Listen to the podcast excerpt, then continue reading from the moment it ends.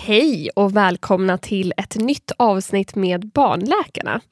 I dagens avsnitt ska jag, Mia och Mattias prata om barnets hjärta och tillsammans med en kär gäst, nämligen Cecilia Halvorsen som är barnspecialist och neonatolog i Stockholm. Vi ska bland annat prata om screening och upptäckt av hjärtfel, vilka hjärtfel som finns och lite red flags. Välkommen till podden Barnläkarna.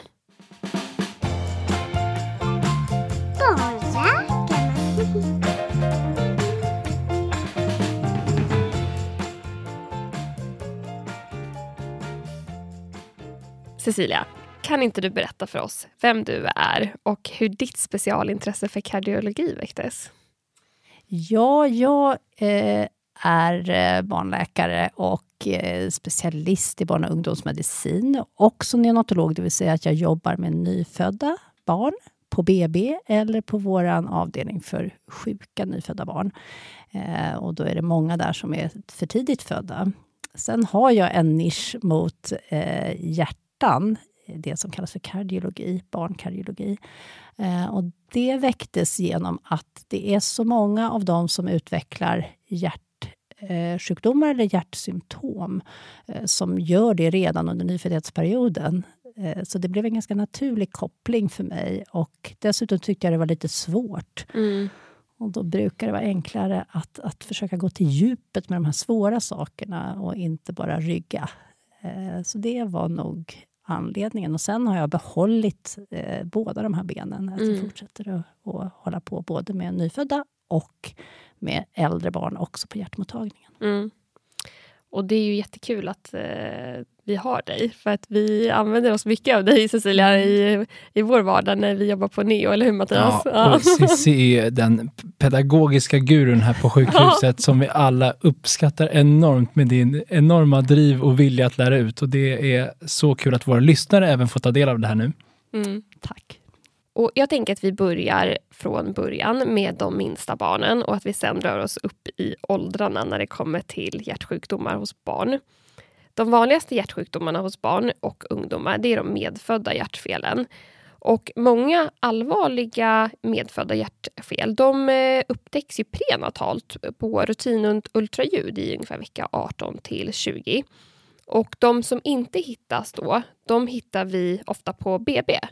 Och då undrar jag, vilka olika typer av medfödda hjärtfel finns det, Cecilia? Ja, om man ska tänka på de vanligaste eh, hjärtfelen så är det de som har hål i sina skiljeväggar. Det finns en skiljevägg mellan förmaken och skiljevägg mellan kamrarna. Sen finns det ju klaffar på fyra ställen i hjärtat. Och Det kan finnas förträngningar och det kan finnas läckage i de klaffarna. De kan vara missbildade på olika sätt.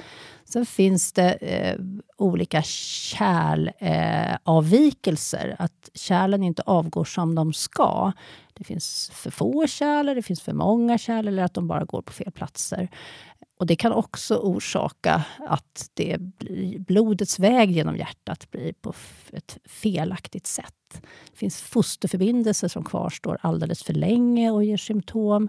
Så finns det de som är allvarligt, allvarliga väldigt komplicerade mm. och där barnen faktiskt inte ens eh, kan leva utan att man gör en, en snabb och, och eh, akut operation. Just det.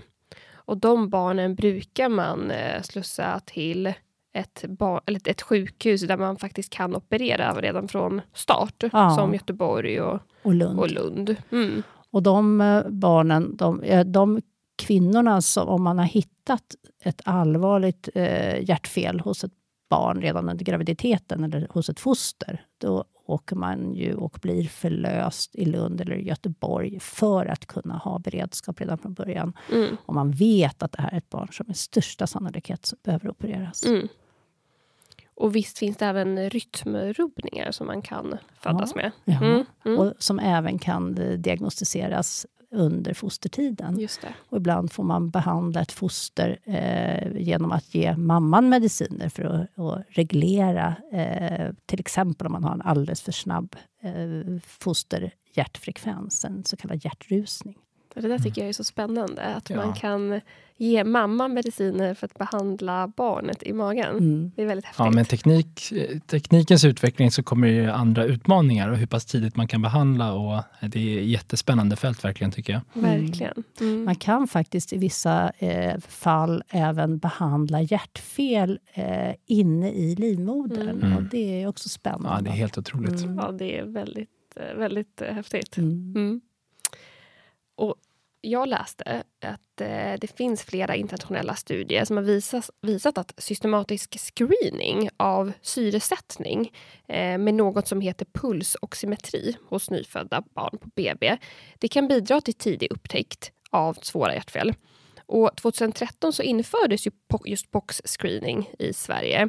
Så det är nu tio år sedan eh, som det infördes och som vi har använt POX-screening på nyfödda barn. Och hur skulle du förklara vad en pockscreening är och vad tittar vi efter? POC-screeningen innebär ju att man hos ett friskt barn tittar på syremättnaden i blodet genom att sätta som en slags klämma i höger hand och sen så sätter man också en, en, samma klämma i en av fötterna.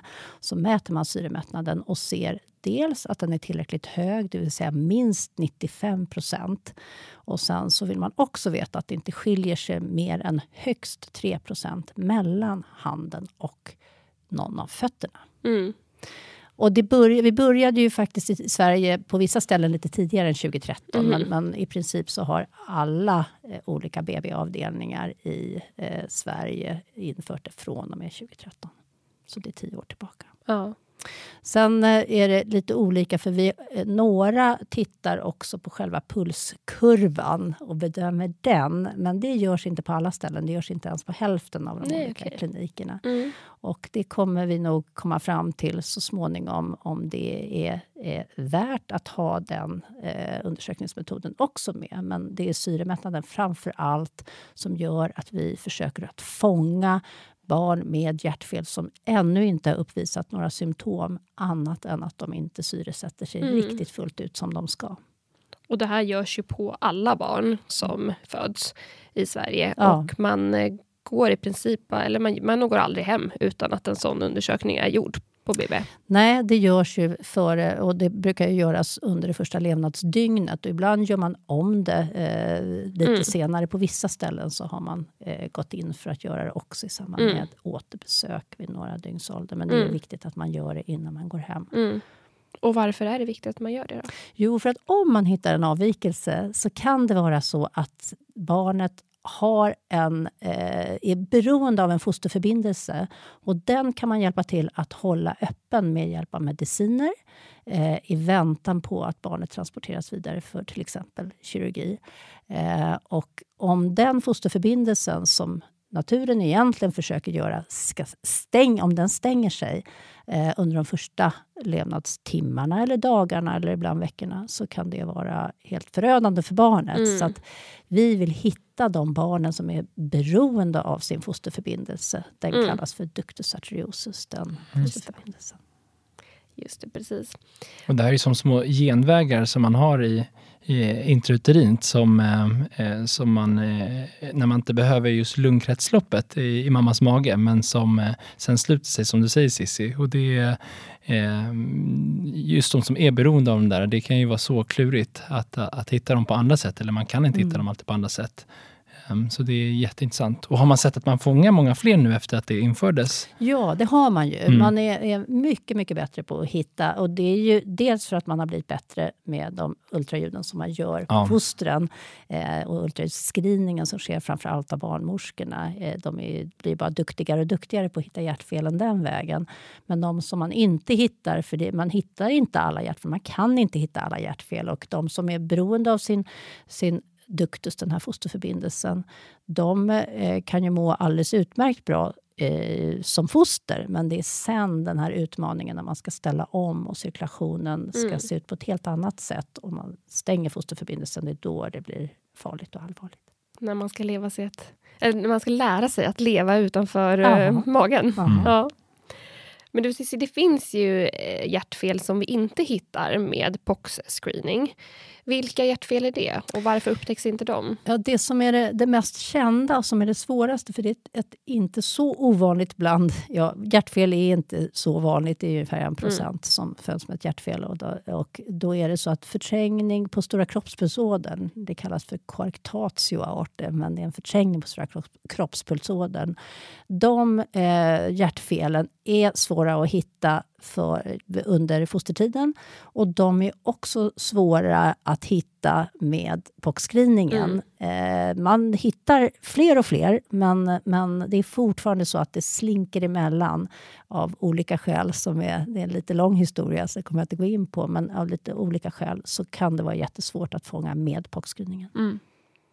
Men då kan man man gör ju andra undersökningar också där man lyssnar på hjärtat och, och letar efter blåsljud. Mm. Och man känner på pulsarna i ljumskarna till exempel. Och ibland är det någonting som kan göra att man hittar just förträngningarna på strakrospulsådern. Så det, det, är en kombination av undersökningar man gör som, som man använder sig av för att mm. försöka kvalitetssäkra. Mm. Mm. Och där görs ju den här barnläkarundersökningen tidigt, mm. ett, ett till två dygns ålder, som vi mm. undersöker barnen just för att kunna hitta, utöver de här eh, labbvärdena eller POC-screeningen. Mm, mm. Och på vissa ställen i Sverige är det nu så faktiskt att man har infört att man gör en, en barnmorskeundersökning bara och sen går barnen hem och så kommer de tillbaka vid mellan två och tre dygns ålder för sin första barnläkarundersökning. Okay. okay. Mm. Mm. Så det sker också. Ja. Mm. Men då har de en speciell checklista och där är POC-screeningen extra viktig. Mm. Mm. Just det. Nu nämnde ju du eh, vad som händer om man inte får en godkänd boxscreening, att vi då behöver förbereda för kanske en flytt. Eh, men först så tar man ju om poxen, eller hur? Ja. ja. och sen försöker man ju få till ett hjärtultraljud ja. om, man, om man kan det. Och det kan man på de flesta kliniker, men sen beror det ju på om det är jourtid eller inte. Ja. För det kan ju vara avgörande om man kan göra det akut. Så där är det ju beroende på hur avvikande är själva screeningvärdena och hur mår barnet. Mm. Mm.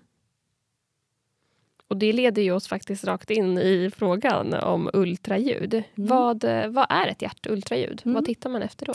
Ett hjärtultraljud gör man för att titta på anatomin, det vill säga hur ser alla strukturer ut i hjärtat? Hur ser väggarna ut? Hur ser klaffarna ut? Hur ser kärlen ut?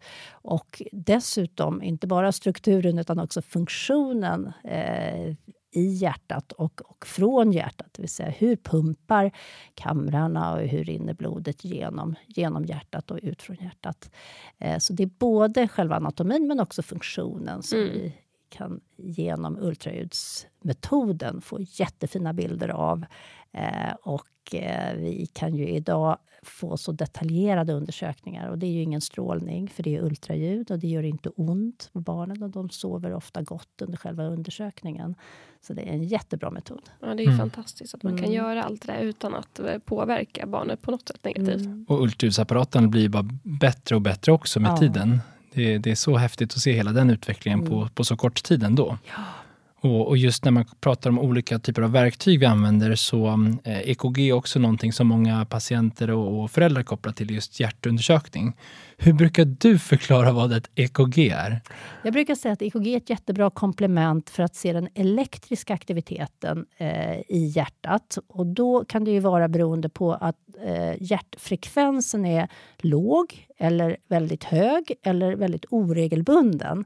Och då får man titta på vad, hur ser det ut med, med eh, den elektriska impulsen genom hjärtat, genom förmak och genom kammare och väggar och finns det blockeringar någonstans? Eh, finns det extra slag? Finns mm. det olika ställen som vill vara med och bestämma takten på hjärtat till exempel? Och inte bara att det är den stationen som ska bestämma som heter sinusknutan, utan mm. det finns andra stationer också.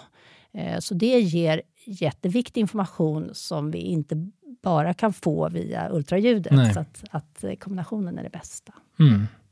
Och sen ett annat viktigt verktyg är ju våra öron, när vi liksom lyssnar på, på hjärtat. Och eh, en, en sån sak som inte är helt ovanligt att man hittar ändå när man undersöker barn är just blåsljud.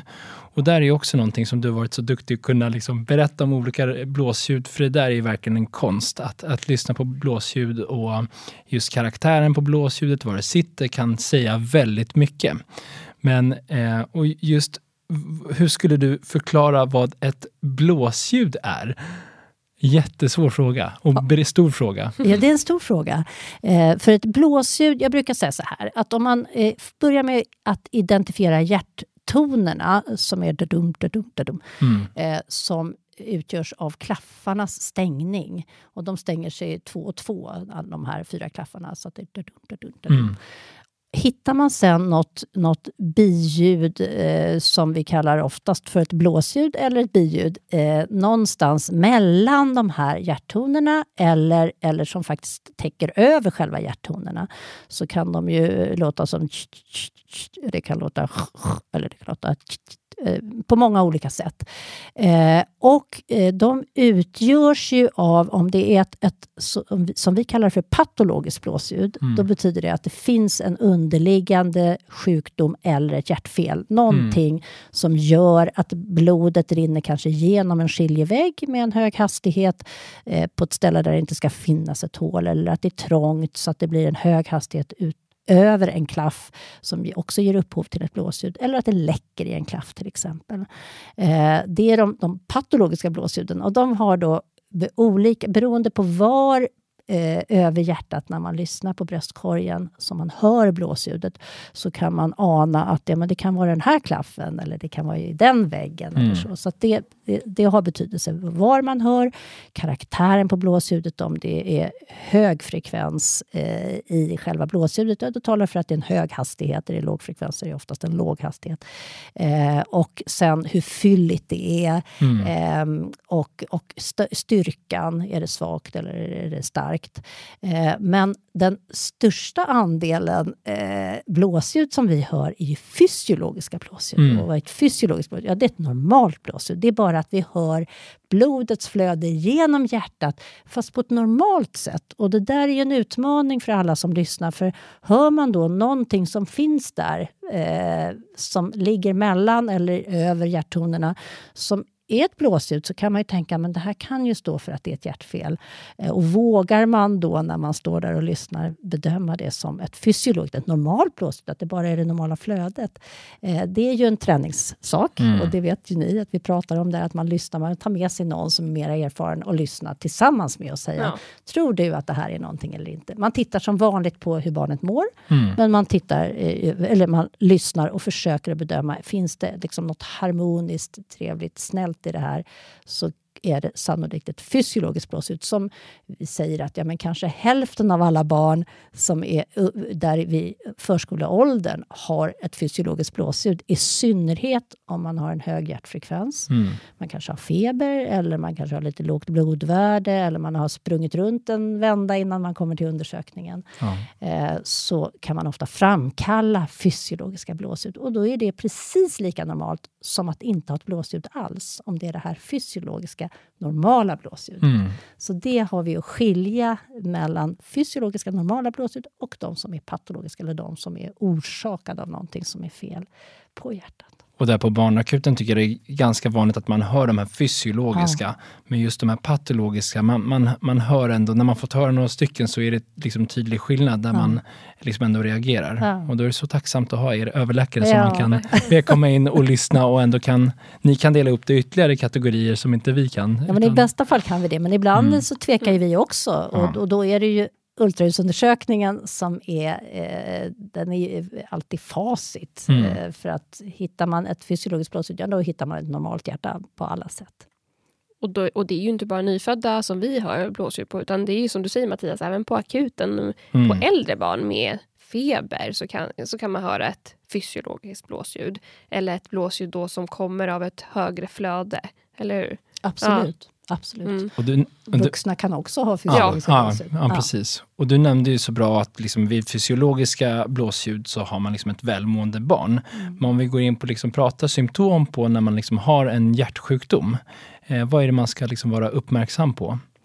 Om man tittar på de nyfödda barnen, eller spädbarnen, eh, de som är upp till några månader gamla, då är det framförallt att vi tittar på hur andas de? För är de Mm. väldigt andfådda och hela tiden andfådda, inte i perioder utan de ligger hela dygnet och även när de är i vila eller sover.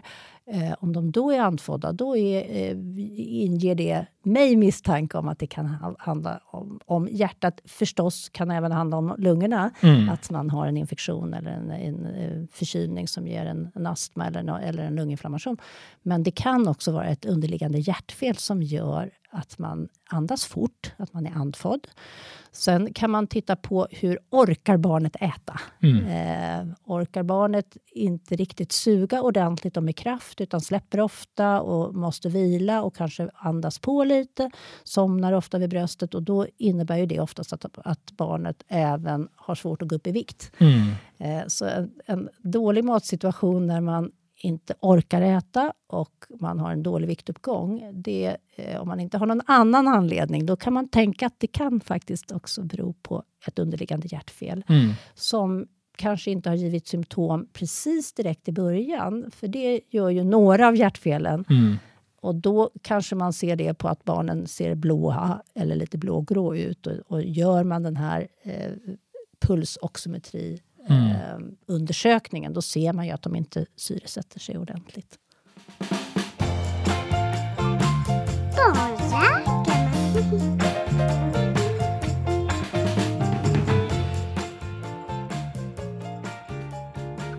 Och, och det var just på de mindre barnen. Men hur Mm. kommer det sen symptom på de äldre barnen vid hjärtsjukdomar? Om man, om man har ett oupptäckt hjärtfel eller man har någon förvärvad hjärtsjukdom, för det finns ju sådana också, Mm. hjärtmuskelinflammation eller Mm. att man kan ha haft en inflammation i kroppen som ger sig också på hjärtat till exempel. Då, kan man, då är det ju nedsatt ork, eh, något som är typiskt. Man kan faktiskt svimma av att man har ett, ett eh, oupptäckt hjärtfel, men det kan man också göra om man har en rytmrubbning Mm. som påverkar hjärtfrekvensen. Då ska man svimma av det, eller en, en underliggande eh, sjukdom i, i hjärtats, hjärtats elektriska överföring mellan cellerna, det som kallas för jonkanalssjukdom, så kan man Mm. svimma av det. Eh, bröstsmärtor, men det kan man ju ha av jättemånga anledningar och det Ja. vet ni också att det är sällan de som ni träffar på akuten eh, som söker för bröstsmärtor visar sig ha en hjärtorsakad bröstsmärta, utan det kan vara i lungor och det kan vara skelett och muskler och Ja. I princip varje dag träffar man ju någon som söker Ja. med eh, bröstsmärta när man Mm. jobbar på barnakuten. Men att det faktiskt är någon eh, kardiell åkomma, att det är orsakat av något, eh, någonting med hjärtat, är ju väldigt ovanligt. Ja. Något som är, viktigt att tänka på det är att om det här händer i samband med fysisk aktivitet, Mm. och det kan vara under aktiviteten, men det kan också vara precis efter avslutad aktivitet, eh, om man får symptom då i form av bröstsmärta eller att man känner att hjärtat slår väldigt oregelbundet eller hårt eller obehagligt, att man får ett tryck i bröstet eller, eller att man blir yr och svimmar i samband med f- fysisk aktivitet, när man anstränger sig mycket, då är det någonting man ska eh, söka Mm. för. Ja. Då vill vi göra ett EKG. Då vill vi börja med ett EKG Börja med det och kanske också ett ultraljud. Ja. Ja. Och vilka, på tal om då utredning, vilka blodprover tycker du är bra att ha med som en del av utredningen? Eller, eller tycker du att blodprover har en plats här? Jag tänker att om man har ett barn med bröstsmärta, då är det bra att titta på det som vi kallar för hjärtenzymer, det vill säga sådana här sönderfallsprodukter från hjärtmuskeln. Och se, är de normala, ja då är ju risken väldigt liten att det ska vara en allvarlig eh, hjärtmuskelskada utifrån Mm. till exempel en hjärtmuskelinflammation. Eh, Hjärtinfarkter som drabbar vuxna drabbar ju väldigt sällan barn och ungdomar. Eh, då ska de eh, haft ja, någon orsak med en, en, op- ett opererat hjärtfel, svårt hjärtfel till Mm. exempel, där man har varit inne och påverkat kranskärlen, annars är det väldigt ovanligt. Men hjärtmuskelinflammation och även inflammatoriska andra eh, inflammatoriska sjukdomar som, som drabbar kroppen i stort, kanske i leder och annat, Mm. kan också ge upphov till påverkan på hjärt, Mm. både hjärtsäck och hjärtmuskel. Just det. Mm. Och när man säger hjärtfel, när man pratar om hjärtsjukdomar, så låter ju det väldigt allvarligt. Mm. Men finns det snälla hjärtfel eller hjärtfel som liksom går över av sig själva, som läker? Det gör det ju. Ja. Verkligen. Och vi brukar försöka skilja på hjärtfel och hjärtsjuk. Mm. För att om man säger att vi hittar eh, eh, ju hos 1 ungefär av alla nyfödda barn ett, ett medfött hjärtfel, då är det få av dem som är så allvarliga att man behöver operera dem. Eh, det är mycket vanligare att man går på kontroller eh, och man tittar på det här och då finns det vanligaste hjärtfelet som är hål i skiljeväggen mellan kamrarna, kammarseptum defekt. Eh, det, om de är små, då kan de absolut eh, spontanslutas. Att hjärtmusklerna, de, muskelcellerna, de växer över och, och täcker över det här hålet och sen har man inte sitt hjärtfel längre. Eh, så att det är inte så ovanligt. Och, och det finns även andra, vissa eh, klaffar som kan se lite annorlunda ut till en början. Framför allt om det är klaffen till lungpulsådern så kan det vara någonting som också förändrar sig över tid till det bättre och försvinner. Så att vi avskriver ju barn som vi har eh, tittat på från början och varit kanske ibland lite oroliga för. Men Mm. så visar det sig att, det, att de blir till och med helt friska. Det försvinner. Mm. Och vissa fosterförbindelser som, som kan ge symptom så länge de är öppna. Mm. Men när de försvinner sen så är barnen helt välmående.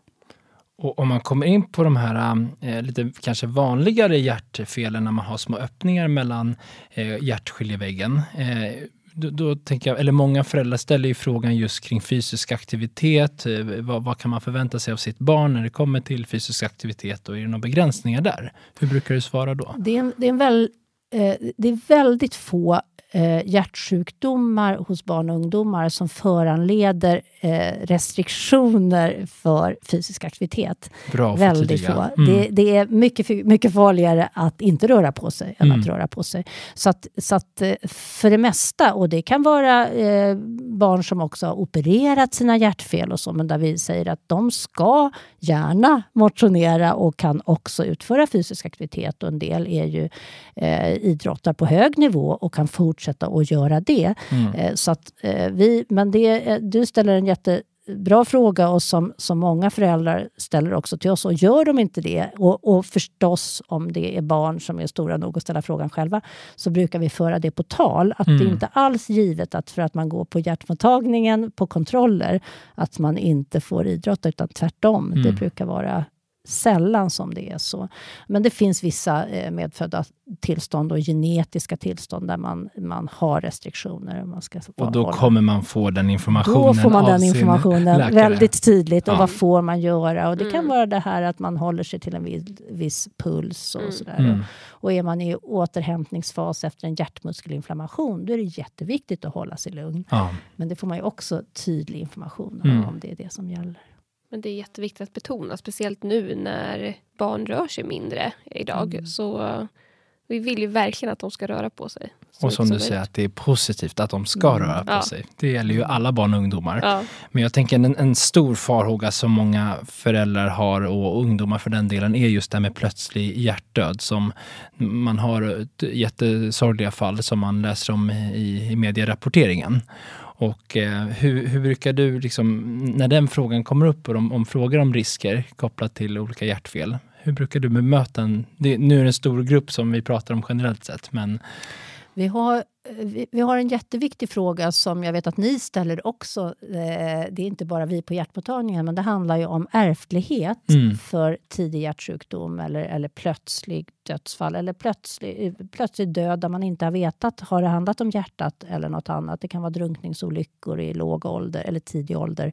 Eh, och, och sån information är jätteviktig för då kan det vara någonting som är ärftligt och som gör att det här är ett barn som vi ska undersöka och både mm, förstås med ultraljud och med, med EKG men kanske också genetiskt med blodprov mm, och leta efter vissa gener som eh, kan vara en underliggande anledning till att man utvecklar en hjärtsjukdom och en farlig hjärtsjukdom. mm, mm. Och det vet vi ju i, i som sagt på hög nivå också i, i eh, de stora serierna och i VM och så har det ju hänt att det har varit eh, sådana som Mm. har ramlat ihop där man inte har vetat om. Och om det har varit, det vet vi inte utifrån medierna kanske exakt vad det har varit. Ibland har, men, men vi har anledning att tro att ibland har det varit mera att det har varit en förtjockad hjärtmuskel. Men ibland har det kunnat vara en rytmrubbning Mm. eh, och som man då kan reglera med, med viss typ av pacemaker eller som en hjärt, inopererad hjärtstartare. Mm. Och de eh, rytmrubbningar kan ju vara jättesvåra att hitta i och med att de inte sitter i hela dygnet utan de kan ju komma just vid fysisk aktivitet till Mm. exempel. Mm. Mm. Precis. Mm. Och Cissi, jag gissar att det skiljer sig ganska mycket just när man pratar om prognos eh, kring det stora ämnet hjärtsjukdomar. Det, är egentligen, det viktiga är ju att, att vissa eh, hjärtfel bara försvinner. De, Ja. de är liksom, Ja. eller är, har aldrig någon betydelse. Man går på kontroller på hjärtmottagningen Ja. och sen så, så blir det aldrig någonting mera. Men man kan inte veta säkert att det inte kommer utvecklas. Till exempel om man har en tvådelad aortaklaff.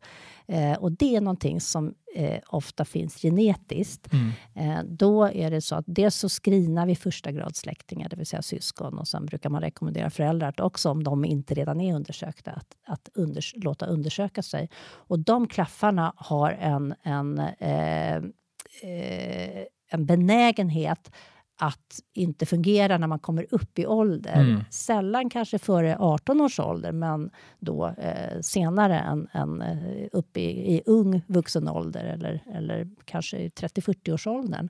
Att plötsligt så fungerar inte de där klaffarna ordentligt och man Mm. kanske behöver byta dem till och med. Och det är ju jättesvårt att, att prata om prognos såklart beroende på vilket hjärtfel man pratar om. Men Mm. Det man kan säga är ju i alla fall att det har skett en väldigt stor och bra utveckling senaste åren. Att många medfödda hjärtfel, klar, överlevnaden där har ju Mm. ökat väldigt mycket. Verkligen. Kirurgerna är ju fantastiskt Mm. duktiga Mm. och eh, blir bara duktigare och duktigare. Och även på, på väldigt, väldigt små hjärtan och för tidigt födda barn som inte Mm. ens väger ett kilo. Och som sagt även foster, att man Mm. kan gå in faktiskt i vissa fall och, Mm. och göra ingrepp. Cissi, jag tänker innan vi avslutar, är det någon liksom, fråga eller någon, någonting du tycker att föräldrar bör känna till när det kommer till olika hjärtfel hos, eh, hos barn och ungdomar? Jag tänker att en viktig information till oss eh, om man kommer eh, med sitt barn för att man är orolig för en hjärtsjukdom och man vet att någon i släkten eller i familjen eller till och med man själv som förälder har ett blåsljud så är det en väldigt luddig information för oss. Vi måste veta mycket mer. För ett, ett blåsljud kan betyda att det är ett fysiologiskt helt normalt blåsljud och då är det ju inget fel alls. Då har man ingen ärftlighet för en hjärtsjukdom. Nej, du har ett normalt hjärta. Då är det Ja. ett normalt hjärta. Så att ta reda på innan om det är så att man vet att det finns någonting i familjen. Vad är det eh, för någonting? Eh, för bara blåsljud säger oss inget. Nej, jättebra. Det är jättebra information att Mm. eh, förmedla faktiskt. Ja. Mm. Det finns ju jättemycket att prata om i, eh, när det kommer till ämnet kardiologi. Och vi skulle ju kunna sitta här hela dagen och prata om hjärtsjukdomar hos barn. Men jag tror ändå att vi har fått med det viktigaste. Eller hur? Ja, det tycker Ja. jag. Absolut, Cissi. Det är så kul att du har varit med och gästat våran podd och så att våra lyssnare får ta del av din kunskap och din underbara pedagogik. Och det tackar vi så hemskt mycket för. Verkligen. Det har varit otroligt givande att få ha med dig. Tack för att jag fick eh, komma. Tack för, för kloka frågor. Ja, tack. Och vill ni lära er mer om barn och ungdomars hälsa, se till att följa oss på Instagram under namnet Barnläkarna. Där delar vi annan aktuell och intressant information kring allt som rör barn och ungdomars hälsa och välmående. Och där kan ni också ställa frågor och skicka in förslag till teman i podden. Det var allt för oss. Stort tack för att ni har lyssnat så hörs vi igen om två veckor. Hej då! Hej då! Hej då!